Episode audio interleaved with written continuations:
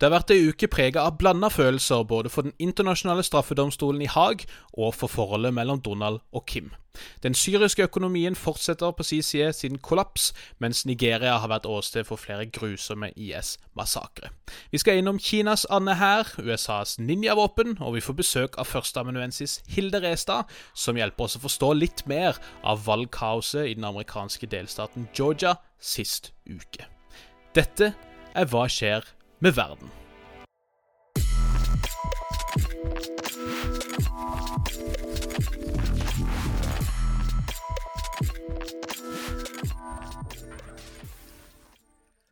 Hei og hjertelig velkommen til nok en episode av Hva skjer med verden? Denne podkasten for deg som er interessert i internasjonal politikk og krig og fred og alt det rotet sånn midt innimellom der. Mitt navn er fortsatt Bjørnar Østby, og med meg har jeg som vanlig min makker og kollega Nick Brandal. God eh, morgen, Nick. God morgen, Bjørnar. Og nå er det jo faktisk nesten formiddag for en gangs skyld. Vi, vi har utsatt innspillinga til hele klokka ni. Det, det, det, går riktig vei, heldigvis. Men det er fryktelig, fryktelig varmt, og det skal vi jo ikke egentlig klage over. Men eh, grunnet støy utenfor våre respektive kontorer, så må jo alle Alt av vinduer eh, skalkes og glugges, er det det heter? Jeg vet ikke hva det heter. Så dette her blir varmt, så vi får bare prøve å være raske og gjøre det fort og eh, minst like gærlig som det pleier å være til vanlig, dette her.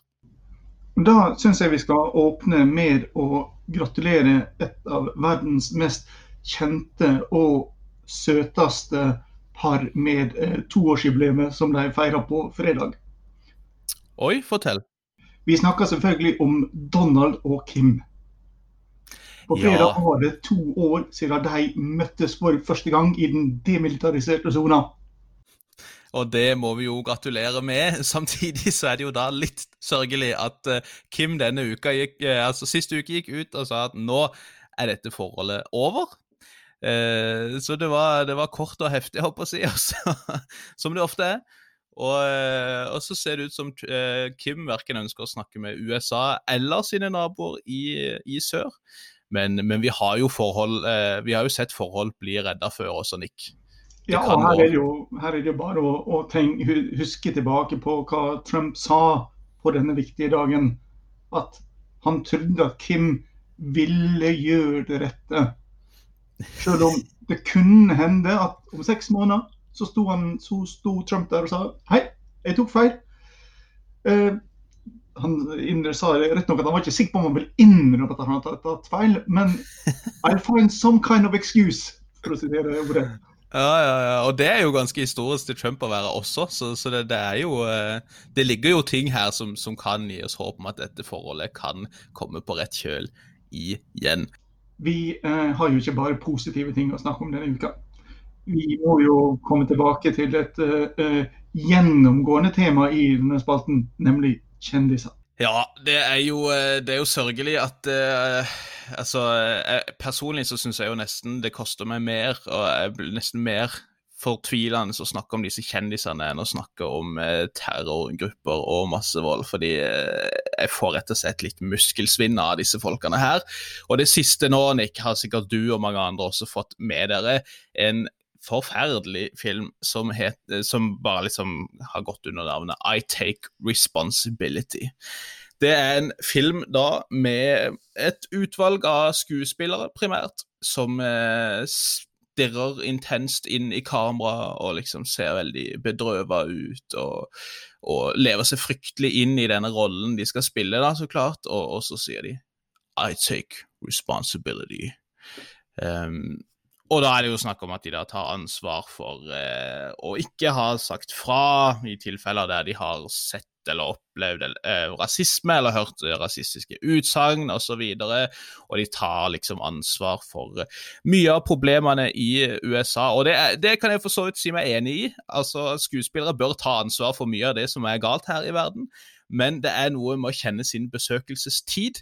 Og, og hvis det er én ting eh, organisert religion kan fortelle moderne folk i dag, Nick, så er det det at det handler faktisk ikke om deg.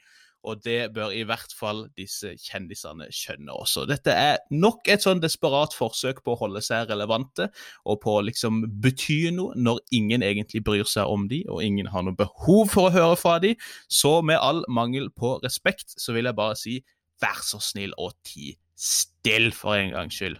Men hvis vi skal sette dette her inn i et uh, teoretisk rammeverk uh, som passer med, med, med våre respektive fagbjørner, vil du gå så langt som å si at dette er et, et tilfelle av det Johan Galtung kalte for kulturell vold? Eh, det vil jeg absolutt si, og jeg vil jo gå så langt som å si at denne filmen her er på grensa til en forbrytelse mot menneskeheten også. Det var helt forferdelig å være vitne til, og jeg håper jeg aldri ser den igjen. Jeg håper vi kan være ferdig med sånne kjendiser som er desperate etter oppmerksomhet. Det er ingen som bryr seg. Bare du kan eh, gjøre masse fint på privaten, du kan donere penger til veldedige formål, du kan gjøre en god greie uten å crave så dødelig mye oppmerksomhet. Vær så snill, altså. Så det var eh, Jeg er redd for at vi må komme tilbake til dette, men jeg ser jo det som et av våre viktigere oppdrag, å gjøre Herrens arbeid på, på dette området her. Det, det, er noe vi vil fortsette å gjøre, og så håper jeg at det blir mindre av det på sikt. Med fare for å bli litt bipolare, skal vi kanskje ta en gladnyhet til. Ja.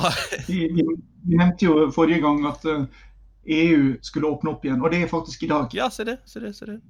De begynte å, å, å, fjerne hindringene på grensekryssing innenfor Schengen-området i dag.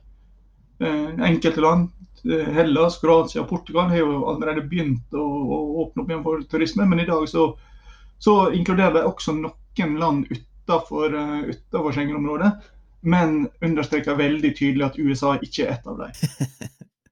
For øvrig så må vi jo gratulere Putin med hans nye militærkatedral. Det var en katedral som ble åpna utenfor Moskva her i, i, helga, var det vel, som har blitt bygd da i forbindelse med 75-årsjubileet for beseiringen av Nazi-Tyskland og slutten på den andre verdenskrig i Europa. Og eh, Eh, det er en ganske sånn interessant greie. Den skulle visst opprinnelig ha mosaikk både av Putin og Shoigu, denne, han er vel forsvarsminister, eh, og, og liksom dere da eh, avbilda liksom med Krim som på en måte frigjør. Der det var til og med snakk om at uh, Stalin skulle få en liten uh, mosaikk der, men dette har de da droppa. Stalin kanskje av gode grunner i og med at han gjorde mye for å undertrykke den ortodokse kirka i sin tid, mens, uh, mens myndighetene visst har sagt at de føler det er litt for tidlig da, å på en måte feire seg sjøl. Så det er jo ydmykt fra, fra, Vladimir. Men det er en ganske interessant greie som kanskje oppsummerer litt liksom Putins verdensanskuelse og prosjekt også, med en sånn god miks av gamle slaviske symboler fra det russiske imperiet, det er til og med uniformer fra Stalins tid. Og eh, så står jo da liksom den ortodokse kirka front and center i denne der katedralen med militærgrønne vegger, må vite. Det kan jo være verdt å reflektere over at mens vi i Vesten har en voldsom diskusjon om å rive ned eh, minnesmerket og eh, identitetsmarkører, så er eh, Putin i øst i full gang med å bygge opp nye. Nettopp, nettopp, nettopp. Og når Vi først er inne, vi trenger ikke å ta hele denne statuediskusjonen, men det har jo vært litt snakk om militærbaser i uh, Uniten. Nick, har du noen tanker rundt dette her? Ja, det er jo nærmere bestemt navn på militærbaser oppkalt etter Eh, etter generaler fra sørstatshæren. Mm. Og det mest fascinerende her er jo at uh, de basene, eller de personene det er snakk om her, i beste fall kan beskrives med Donald Trumps ord som 'stone cold losers'. altså dette her er altså Bragg var en screw-up. Mm. Jeg, jeg tror i militærhistoria Eh, så må du, med et par unntak, Robert E. Lee og kanskje en eller to til, så kan sørstatsgeneralene sine taktiske ferdigheter best sammenlignes med Adolf Hitler når han tar kontroll over den tyske hæren etter D-dagen i 1944. Den mm. ene katastrofale avgjørelsen etter den andre, istedenfor å trekke seg tilbake, finne gode forsvarslinjer som kunne forsvares, så er det bare gung-ho framover. Og Bortsett fra at dette her er forrædere, folk som prøvde å ødelegge USA. Så, altså, skulle vi liksom ha kun Quisling militærleir eh, en eller annen plass? Jonas Liele-leir. Altså.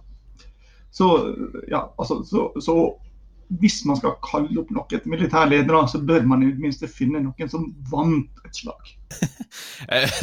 Eh, altså, jeg håper å si Avslutningsvis, før vi starter på denne roundupen, så, så kan vi jo uh, komme innom denne apokalypseskalaen vår litt igjen. Og, og, i India så har det jo vært litt av ei uke der de har hatt jordskjelv, og de har jo så klart denne covid-pesten, hadde jeg nær sagt. De har en gresshoppeinvasjon, og der folk liksom i hvert fall kunne ha gleda seg til mangosesongen da, som noe som kunne trøste de, så har jo nå noen sånne megaflaggermus invadert landet også, og ødelagt mye av mangosesongen der.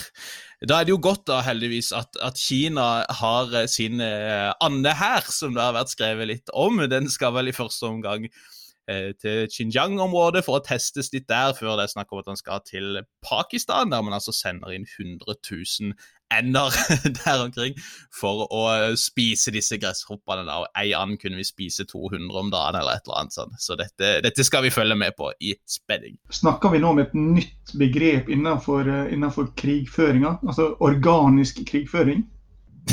det kan du veldig godt si. Kanskje til og med økologisk ja. krigføring. Så eh, dette er en særdeles spennende utvikling, og vi skal gjøre vårt for å holde oss eh, og dere oppdatert på eh, andediplomati-fronten.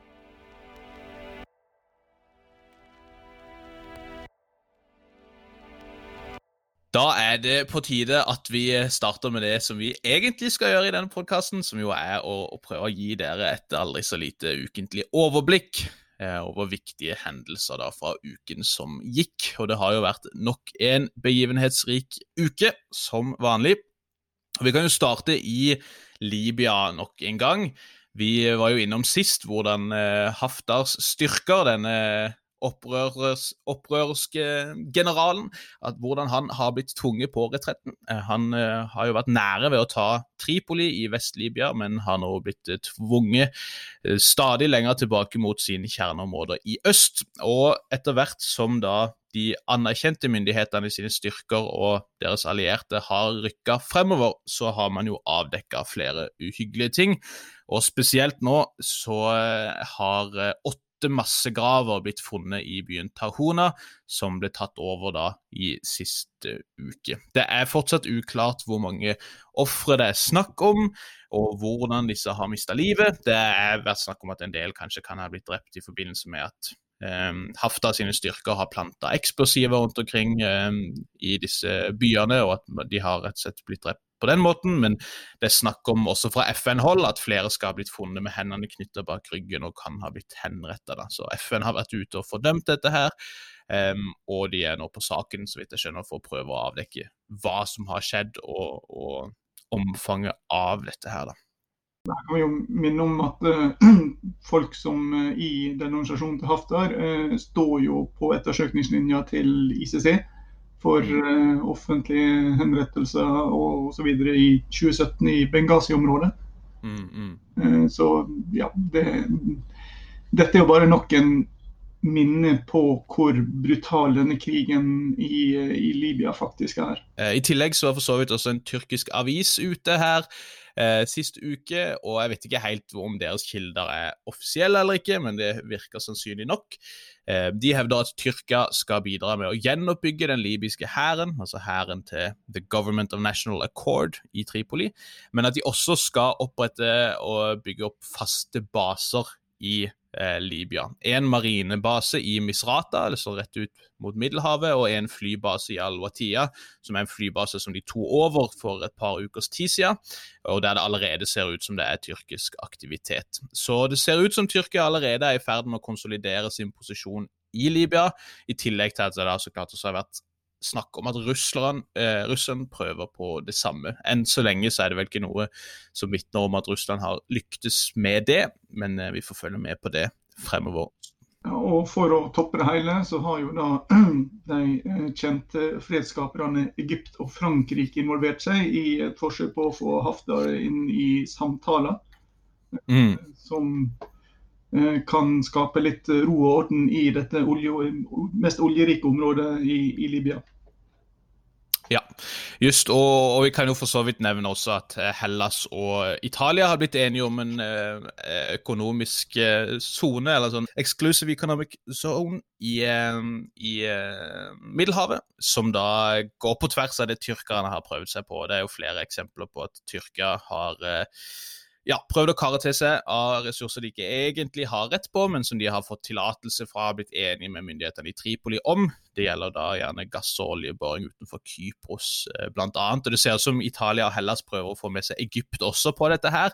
Så du har en liksom sånn her regional krise i Øst-Middelhavet også, som det vil være verdt å, å følge med på, og der Libya vil spille en viktig rolle. Hvis vi går til Irak, så er siste nytt derfra at eh, strategiske samtaler mellom USA og Irak er i gang. Det har vært snakk om lenge at man skulle få gang på disse i eh, sommer. Og det er vel første gang siden egentlig 2008, tror jeg, der man har hatt sånne samtaler om nær sagt veien videre for eh, forholdet mellom USA og Irak, og for situasjonen med tropp, amerikanske tropper i landet. I 2008 så ble, kom jo til enighet om en gradvis nedtrapping og utfasing av amerikansk tilstedeværelse, og det er jo egentlig det samme man diskuterer nå. Dette møtet foregikk over Zoom, da de ikke kunne reise dit pga. koronaen. Eh, vi er alle stuck med dette forferdelige verktøyet Zoom, som stadig eh, kommer tettere og tettere med kommunistpartiet. De kicka jo ut noen kinesiske aktivister nydelig, blant annet. Men altså, for å holde oss til saken, så handler dette, eh, disse samtalene, som man regner med vil vare egentlig hele sommeren, om troppesituasjonen fremover.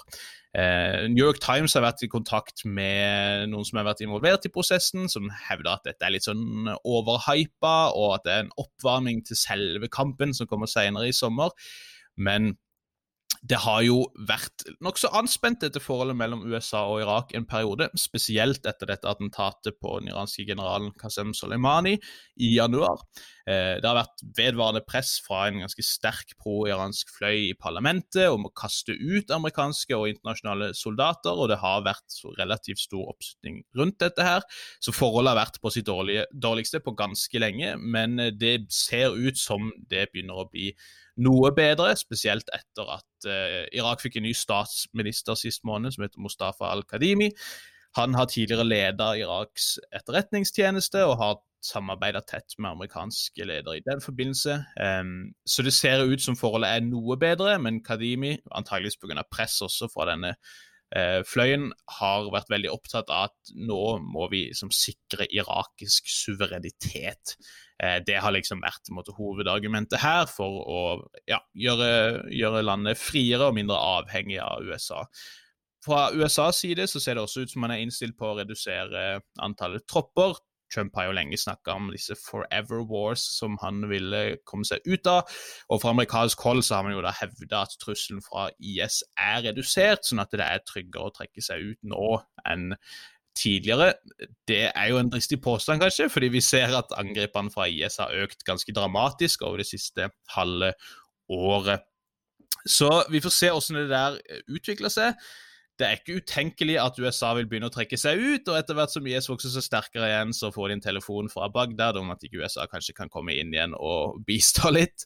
Eh, men enn så lenge så er det uenighet om, om tidsramma for dette her, om omfanget osv., så, videre. så vi, eh, det vil jo vise seg da om USA blir i Irak for the long run, eller om de gradvis trekker seg ut. De har jo allerede overgitt en del baser, kan sies, og i takt med at baser har blitt eh, gitt over til irakerne, og i takt med at amerikanske styrker har blitt redusert, så har jo også angrepene til IS eh, tiltatt. Og USA skal jo ikke bare trekke seg ut uh, uten videre. Uh, når de militære styrkene blir fjerna, så skal Trump-administrasjonen sende inn sine økonomiske rådgivere for å hjelpe til å bygge landet.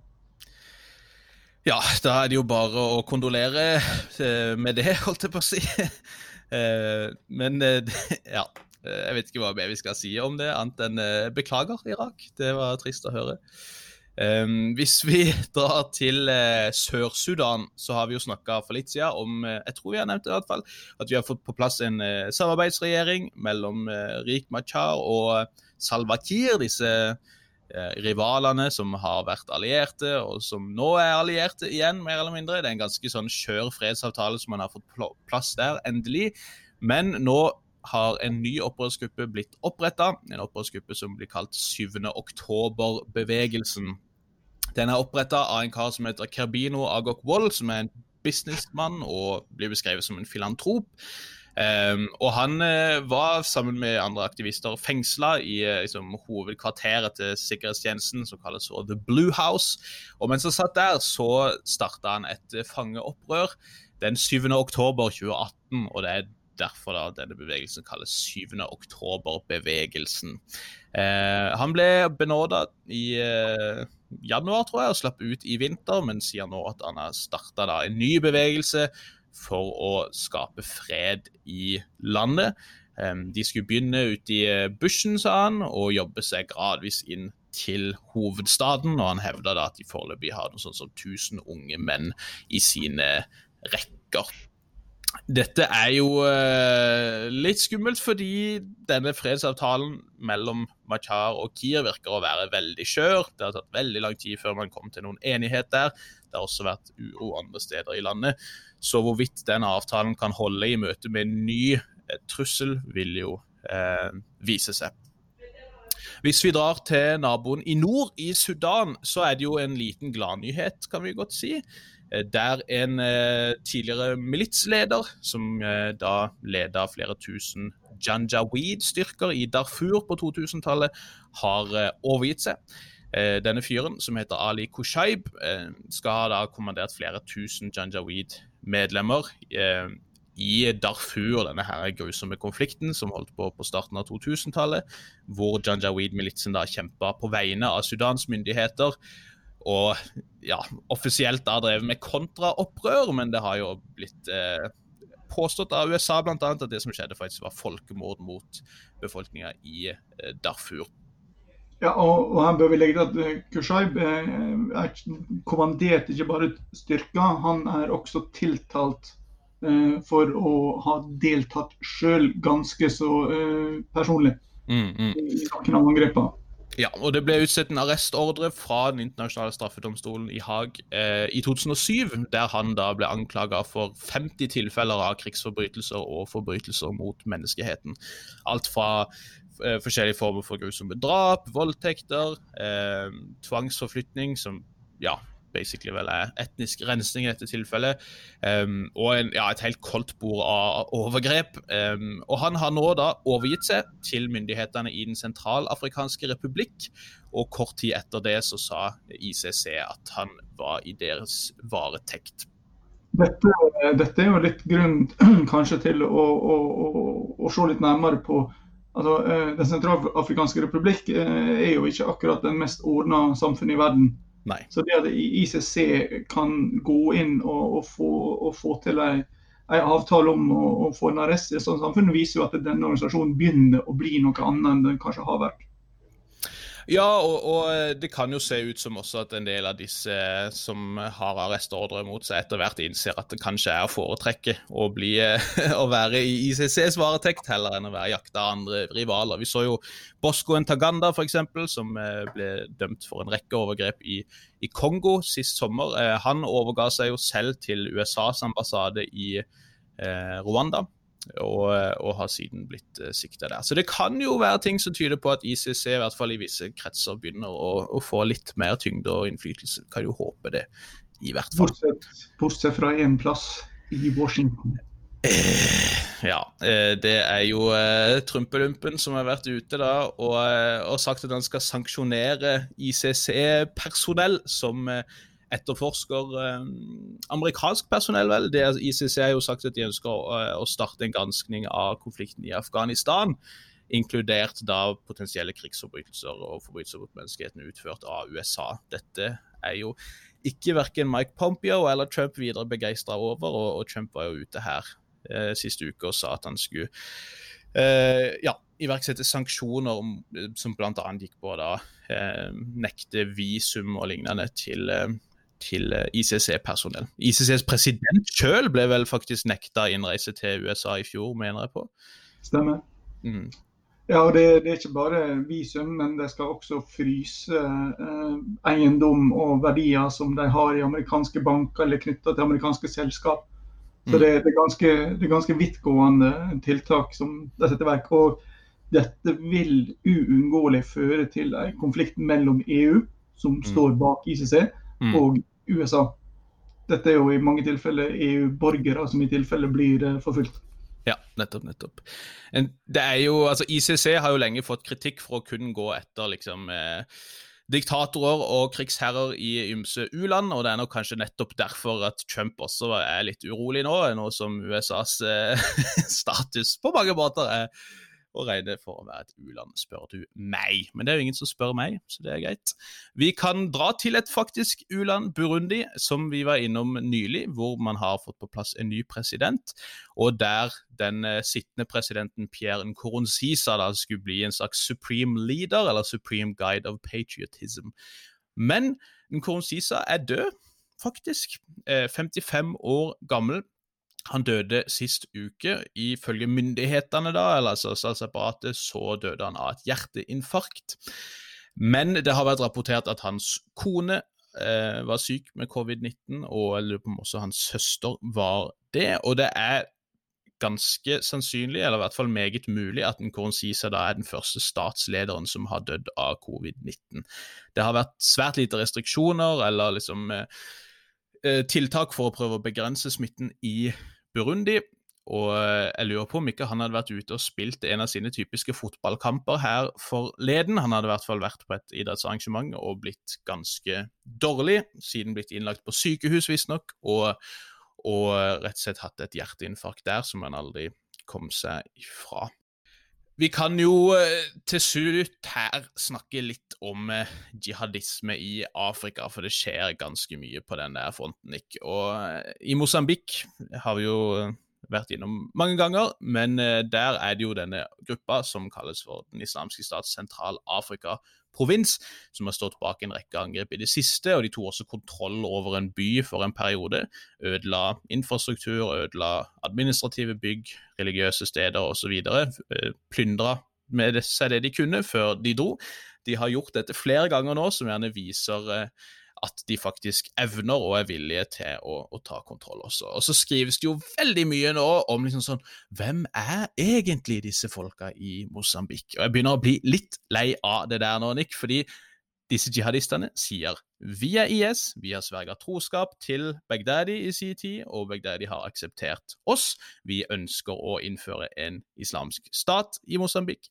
IS sier på sin side dette er våre folk, de tar ansvar og liksom eh, ja, claimer disse angrepene stadig vekk. De publiserer bilder og propagandafilmer, men likevel så er det masse sånne tenketankfolk der som skriver hva er det egentlig de vil, disse her, og hvem er de egentlig? Skjerp der, sier jeg til de. Jeg tror du misforstår hva tenketanker handler om, eh, Bjørnar. det er sant nok. Eh, i Nigeria har det vært en ganske bekmørk eh, uke, med flere dødelige angrep i nordøst, utført av den islamske stat i Vest-Afrika, denne ene fraksjonen av Boko Haram, da, om du vil. Og på tirsdag så ble minst 81 mennesker eh, massakrert i et angrep mot en, en landsby oppe i nordøst.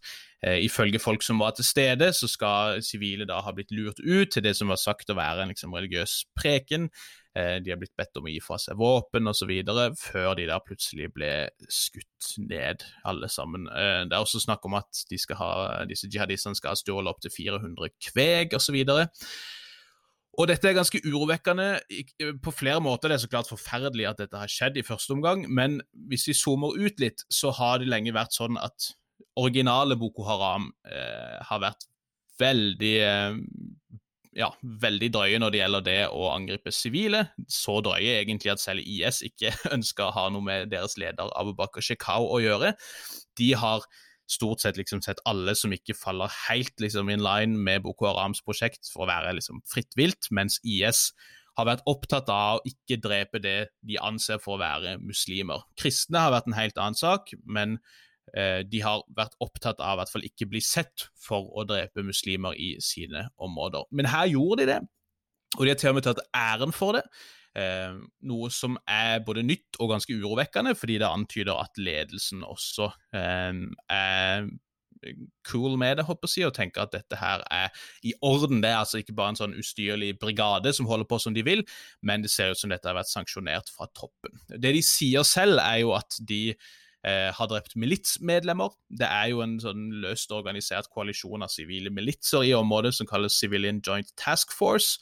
Um, og i prinsippet så kan jo IS egentlig hevde at hvem som helst er medlemmer av denne koalisjonen, og gjør at de kan drepe sivile for fort uten å egentlig eh, håper jeg, eh, bli sett for å gjøre det. Og I helga på lørdag så var det flere nye angrep også, hvor totalt da 20 soldater og 40 sivile skal ha blitt drept. Så hvis denne IS-grena i Nigeria, som militært sett er ganske sterke og, og, dyktige, og som det tydelig koordinerer mer og mer med IS, både når det gjelder taktikker når det gjelder utvikling av bilbomber og hva det skulle være, hvis de nå har begynt å liksom endre sin strategi til å rette sin vold mot sivile, så kan dette bli særdeles uh, stygt. Det har jo også vært mer aktivitet i Sahel, og vi har jo snakka om hvordan det er en frykt for at jihadistene skal begynne å angripe kyststatene i Guinea-Gulfen, og det har da også skjedd nå, med et eh, angrep på en grensepost i Elfenbenskysten på grensa mot Burkina Faso, hvor et dusin da sikkerhetsstyrker fra Elfenbenskysten skal ha blitt eh, drept. Eh, to FN-soldater mista også livet i et angrep i Mali eh, på lørdag. Og nå har det faktisk blitt besluttet at Sverige skal sende sine spesialstyrker til Frankrikes uh, oppdra nye oppdrag i Mali, som heter Takuba. De har jo drevet og lobba egentlig Europa rundt for å prøve å få med seg andre på det oppdraget. De prøvde å få med seg Norge, men Norge sa njet, visstnok mest pga. Uh, Frp. Um, fordi at spesialstyrkene var visst bedre brukt uh, hjemme da, for å kontre diverse hybride trusler, uten at jeg ser helt, uh, helt den. Men også Høyre skal visst ha vært uh, ja, ikke videre begeistret over dette. Så enn så lenge så blir de hjemme. Her, her er det vel historikeren skal minne om at 30-årskrigen, den mest brutale og grusomme krigen i Europa ever, handler om at Frankrike finansierte Sverige. Er det, er det grunn til å, til å, frykte det verste, Nick? Basert på uh, Sverige akkurat nå, kanskje ikke i samme skala. Men, men, men dette er kanskje ikke verdens heldigste kombinasjon. Vi skal være på vakt.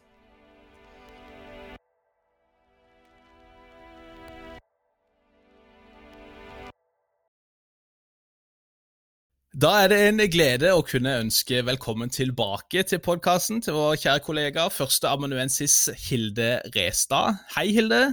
Hallo, Bjørnar.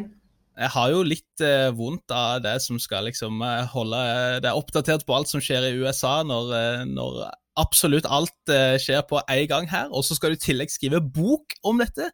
Men eh, det er jo akkurat det som passer så greit, Hilde, for vi ønsker jo å snakke litt om litt sånn valgkaos som vi har hatt nå den siste uka i Georgia. Og du sitter jo og skriver, og har akkurat skrevet et kapittel om nettopp eh, stemmerettigheter i USA, er det ikke så? Jo da, det amerikanske demokratiske sammenbruddet passer veldig godt med min bok. Så det Ikke sant. Det er en bra salgspitch du har fått eh, servert der frem mot eh, høsten. det, eh, det jeg har lyst til å starte litt med, er jo at det kom jo meldinger fra Georgia sist uke der man skulle eh, ha valg om at det rett og slett gikk ganske kaotisk for seg, med lange køer og med folk som ikke fikk stemt osv. osv. Før vi liksom går inn i dette større bildet som, eh, som du kan fortelle om, hva, hva, var det egentlig som skjedde for noe i Georgia i uka som var? Da var det eh, nominasjonsvalg. Sant? De ulike kandidatene som skal stille til høsten, um, skulle bli valgt. Um, og så var det sånn at uh, For det første så er det jo veldig vanskelig å avholde valg i en pandemi. Uh, mm. Og det man har sett, er jo at um, det er ikke bare Georgia som har opplevd det problemet at det er ikke alle når, når, du folk, når, du faktisk skal ha valglokaler som er åpne, så er det jo avhengig av at alle som skal bemanne de valglokalene, kommer på jobb. Og det var det jo ikke alle som gjorde. Verken i Georgia eller i en del andre delstater pga. korona. ikke sant? Mm. Så underbemanning er, er, jo da en faktor som kan forklare hvorfor det var ganske lange køer en del plasser. En annen mm. faktor som skjedde, var også eh, det at Georgia hadde bytta ut sine valgmaskiner. Og så var det da ikke alle som var, eh, klarte å operere de valgmaskinene på den måten Nei, som det skulle gjøres. Det er jo em, Det første problemet er jo et pandemiproblem. Det andre problemet er jo da et kompetanseproblem på, Mm, på vegne av del, delstaten Georgia. mm, mm. og så er det da det tredje, den tredje utfordringa som er mye større og, og, og mer strukturell, som handler om at det gjerne er i minoritetsvalgdistrikt at man ser de lengste køene og de største problemene. Nettopp, nettopp. Og i den forbindelse, det er jo her vi, vi trenger deg som fagperson for å liksom se disse lengre linjene og det større bildet. Og du har foreslått å, å reise tilbake til eh, valgloven fra 1965 og utviklinga på den fronten for å liksom fange litt hva det er som faktisk skjer for noe her. Ja, fordi at em, en stor del av eh, historien om det å få lov å gå til et valglokale og stemme i USA henger jo sammen med kampen om like rettigheter for svarte amerikanere. Og også andre minoritetsgrupper, selvfølgelig. Um, og etter at svarte menn fikk stemmerett eh, etter borgerkrigen med, gjennom et grunnlovstillegg, så så man jo et århundre med forsøk fra eh, de ulike delstatene i sørstatene på å forhindre eh, svarte menn fra å få lov til å eh, utføre eller få, få, få bruke den teoretiske stemmeretten. Og derfor fikk man jo på 60-tallet en rekke lover som på en måte var den juridiske delen av borgerrettighetsrevolusjonen. Som skulle ja, sikre at nå kunne ikke, og ikke nå lenger bare svarte menn, men, men også eh, kvinner, få lov til å faktisk bruke den teoretiske stemmeretten. Så Det var flere lover, og det var til og med et grunnlovstillegg, men valgloven, The Voting Rights Act av 1965, er veldig, veldig kjent. Um, fordi den er, den er fortsatt um, på boka. Og den bestemte at de delstatene som hadde en lang historie med valgdiskriminering, måtte få godkjent endringer i valgprosedyrer fra Justisdepartementet, altså føderale myndigheter, før de Mm. lov å foreta seg noe. Og det er jo fordi at i USA så avholdes jo valg ikke føderalt, det er ikke noen nasjonale valg i USA. Hver delstat avholder sine egne valg, og de har sine egne regler og sine egne delstatsgrunnlover. og Mm, det er desentralisert, ikke sant. Så, Mm, mm. Men pga. historien, da, så sa valgloven at vi, eh, føderale myndigheter gjennom Justisdepartementet skal holde oppsyn med valgdistrikter som vi definerer. Som vi peker ut. For vi vet at der er det mye muffins som har skjedd. mm, Um, så i, fra og med 1965 så måtte bl.a. Georgia alltid få føderalt godkjentstempel før de kunne endre regler for f.eks. oppmelding til valg eller flytte valglokaler ut av noen distrikt ikke sant, og sånn type ting. da. ja, ja, ja, nettopp. Og den loven hadde en enorm effekt. Eh, Mm, så den klarte å øke valgdeltakelsen blant svarte amerikanere eh, betydelig. Mm. Og så in, ti år senere, i 1975, så la man til en rekke nye valgdistrikt som ikke var i sørstatene, f.eks. fra eh, Alaska, New York, Michigan. Altså, diskriminering var åpenbart ikke bare et problem i sørstatene. mm, Og derfor har Kongressen drevet og fornya valgloven, fordi den har jo fungert som den skulle. Man ser at den har bidratt til økt stemmedeltakelse, ehm, valgdeltakelse blant eh, svarte amerikanere. Mm. Og i 2008 var det da det var en sånn milepæl, for da var det nesten like stor prosentvis valgdeltakelse blant svarte velgere som det var blant hvite velgere. Det var jo òg det året da amerikanerne stemte frem sin første svarte president. ja, ikke sant. Mm, Eh, og to år tidligere, i 2006, så hadde Kongressen med overveldende flertall forlenga valgloven med 25 år. Um, og da hadde um, daværende senator fra Alabama, Jeff Sessions, sagt, når han stemte for forlengelsen av valgloven, at um, Alabama sine velgere var veldig glad for endringene valgloven hadde medført, og at de ønska ikke å gå bort fra stemmerett fra alle, sa han i Kongressen. mm. Og det var da Alabama veldig uenig i. Ja, ja. For det som skjedde etterpå, var at et valgdistrikt i Alabama som heter Shelby County, saksøkte eh, den føderale staten over valgloven av 1965, fordi at de ikke Ja, okay. skal være definert som et av de valgdistriktene som måtte holdes under oppsyn.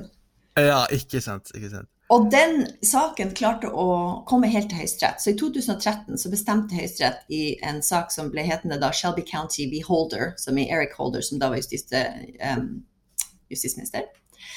I det som var en veldig overraskende, veldig kontroversiell og veldig jevn avgjørelse. At formelen brukt i 1965 for å bestemme hvilket valgdistrikt som skal holdes under oppsyn, den var utdatert. Mm. Så de var enige med Shelby County.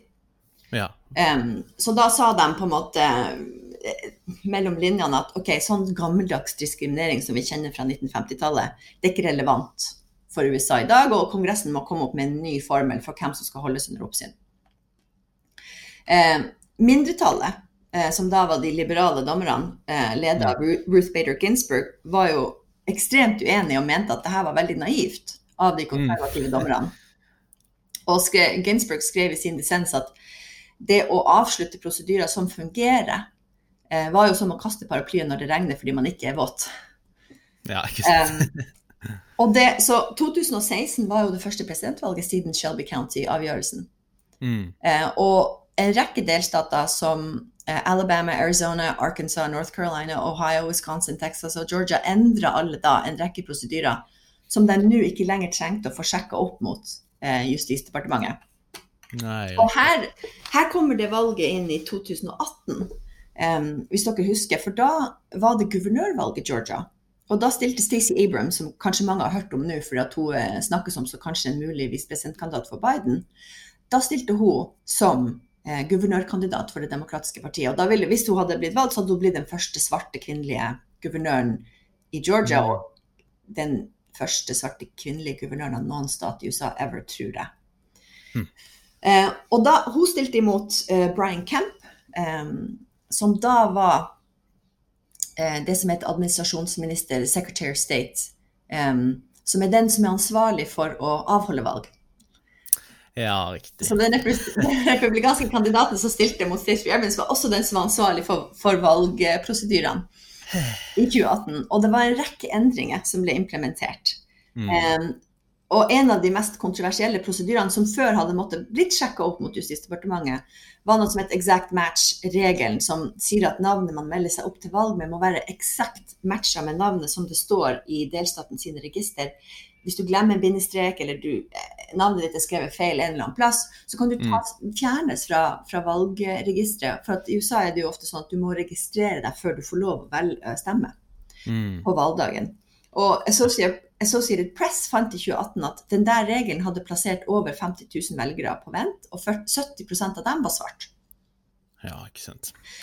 Um, en annen ting som også man ser, er at man kan, flytte, man kan, man kan redusere antall um, valglokaler, som gjerne skjer i minoritetsområder. Um, Og det som skjedde i valget i Georgia i forrige uke, var jo at det, valget gikk bra i mange, mange valgdistrikt. Og så gikk det veldig dårlig, og det var veldig lange, var lang kø i de distriktene med mest minoritetsvelgere. Ja, nettopp, nettopp. Så det at dette her skjer i Georgia, er ikke liksom Det er ikke nødvendigvis så tilfeldig, for å si det sånn, med den historikken som ligger der. Det er ikke tilfeldig. Um, og en sånn strukturell um, diskriminering, du, eller forsøk på stemmeundertrykking, da, um, Mm. møter jo da denne enorme utfordringa med å avholde valg i en pandemi, som godt kan være situasjonen i november, um, Ja. og hvor, hvor man eventuelt da må velge mellom helsa eller sin demokratiske plikt, på en måte. Mm. Men en, en ting som Georgia har gjort som var veldig bra, og som jeg håper andre delstater også kommer til å få gjort før november, er at de hadde, de hadde klart å sende ut masse stemmesedler i posten pga. pandemien. For Tidligere har det vært sånn at det skal være liksom en spesiell grunn til at du må få lov til å brevstemme, eller så må du Ja. til valglokalet. Mm. Men de hadde sendt ut en, en god del brevstemmer. Eh, og det eh, gjorde at det var veldig mange som fikk stemme uten at man måtte gå til valglokalet. Og det er jo kjempeviktig. Mm. Og det er jo en mulig løsning. Eh, hvis man klarer å sende ut brevstemmer til alle som skal få en brevstemme, og ikke diskriminere hvem man sender ut til, så er jo det en løsning som omgår mange av de problemene vi snakker om. Ikke sant. Men blir spørsmålet da liksom i hvilken grad det egentlig er villet, da, denne herne diskrimineringa? Altså, kan, kan man se det reprodusert i en type postseddelstemming også? Eller tror du det vil bli jevnere for det? Ja, det kan man se, fordi at um, det er muligheter for det. Fordi at hver delstat har egne regler for hvem som uh, kan melde seg opp til valg, når man må melde seg opp til valg, hva du må gjøre for å få lov til å be om uh, en mm. mm. f.eks. Så med mindre fordi at det er så mange hinder man skal hoppe over, klarere i USA gjerne før man får lov til å stemme, så kan mm. det på veien da ja. være diskriminering i prosessen som leder frem til hvem som får en brevstemme i posten. Da må man jo passe på at det ikke skjer, selvfølgelig. Mm. Det er jo sikkert mange lurer på, og det, du var jo så vidt inne på det også, men jeg håper, i hvilken grad tror du det vi har sett i Georgia vil være det som preger valget også utover høsten nå. Eh, er det fare for at vi vil se mye kaos, tror du, og, og uryddige stemmeprosedyrer i løpet av høsten? Det er fare for det. Um, det er både um, den forståelige utfordringa det er å skulle endre valgprosedyrer på kort tid når det tar, mm. koster penger og man allerede er delstatene allerede må bruke pengene sine på pandemien. Mm. Eh, det er mange forståelige måter at valget i november kan bli problematisk på. Men de her nye, nye utfordringene kastes på en måte inn i en situasjon som allerede karakteriseres av eh, strukturell ulikhet eh, og strukturell mm. rasisme. Um, som er på en måte Det er en av de mest åpenbare måtene det amerikanske utfordringa med rase har manifestert seg på, har jo vært gjennom kampen for stemmerett. Og den pågår på mange måter enda. Mm. Det er jo ikke så vanlig, håper si, så veldig oppløftende dette her, men uh, tusen takk for at du uh, stiller opp, og for at du skriver en bok på norsk om dette her. Du kan jo kanskje fortelle bitte litt om, uh, om den, og hva den går på?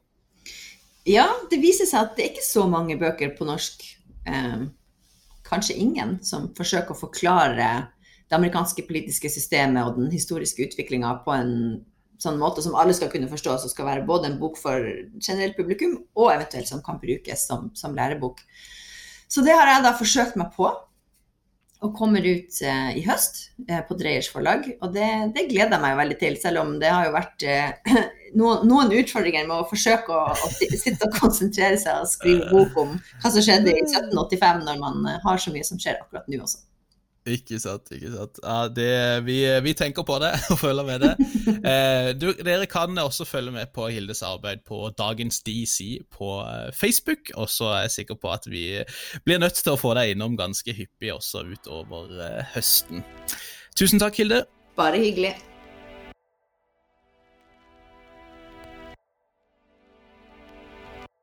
Det skal handle om Syria nå til slutt. For det er jo eh, på ingen måte liksom sånn at ting har stoppa opp der, og at krigen er slutt, eller at alt har roa seg ned, men det skjer stadig vekk viktige utviklinger der. Og det siste nå, Nick, er jo dette med den syriske økonomien, som på mange måter er i fritt fall.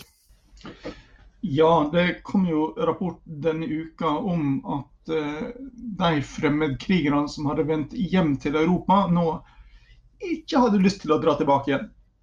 I det hele tatt. Nei.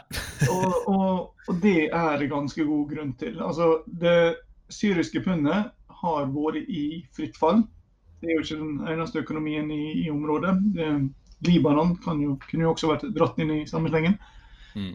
Um, før krigen så var 50 syriske pund verdt ca. 1 amerikansk dollar. Det er i dag 300 dollar. 3000 eh, dollar, faktisk. Altså, ja, altså 3000 syriske pund til én dollar, ikke sant.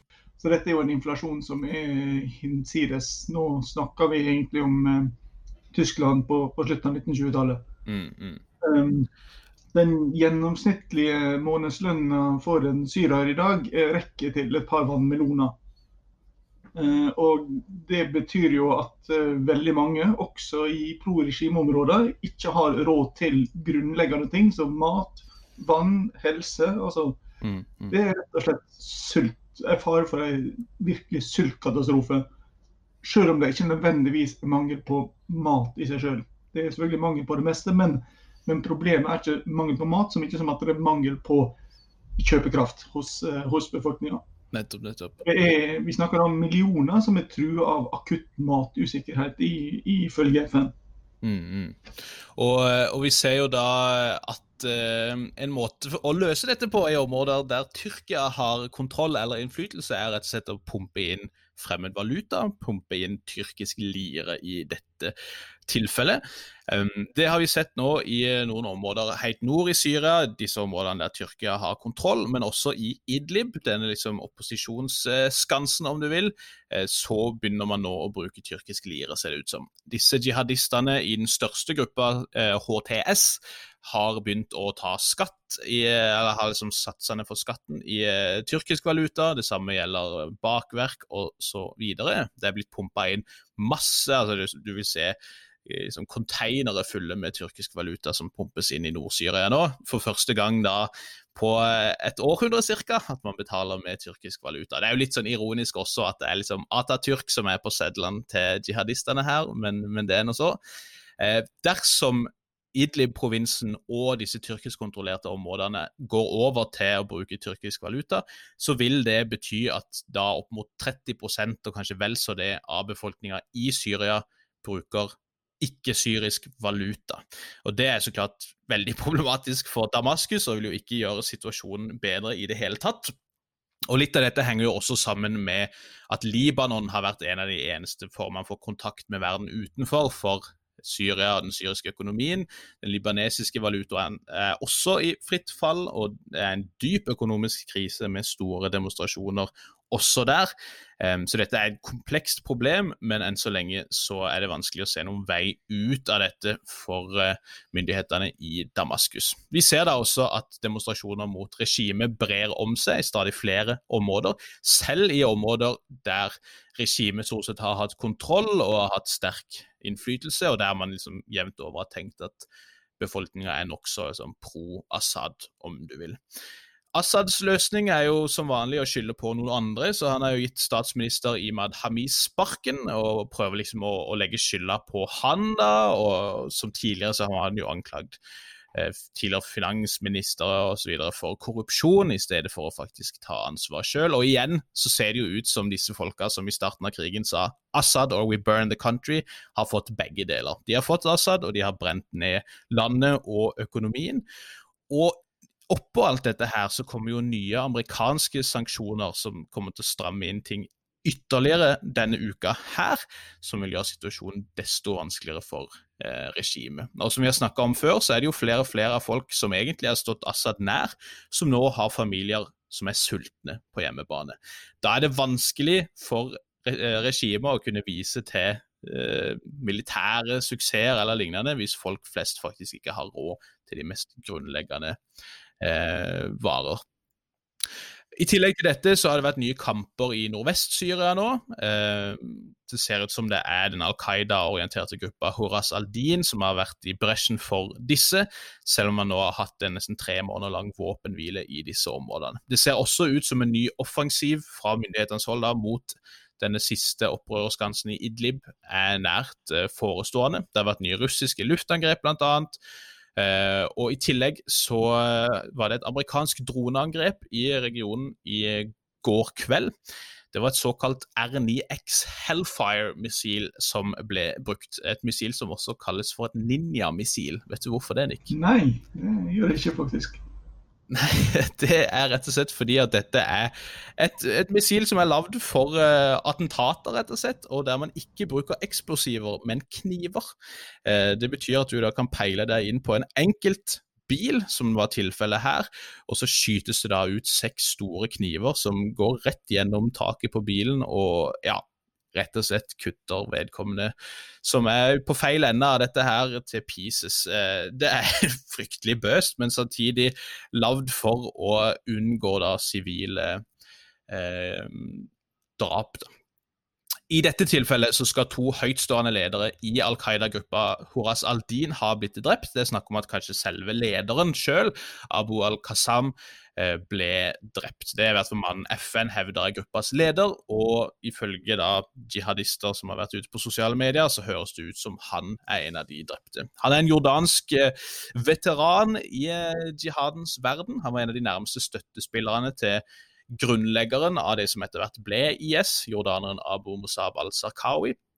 På et eller annet tidspunkt så har han og flere andre Al Qaida-ledere blitt fengsla av Iran og vært i husarrest der, men i 2015 så ble da Abu al-Qassam og flere andre sluppet fri i bytte med en iransk diplomat. Og etter det så skal, ha, skal da Qassam ha dratt til Syria.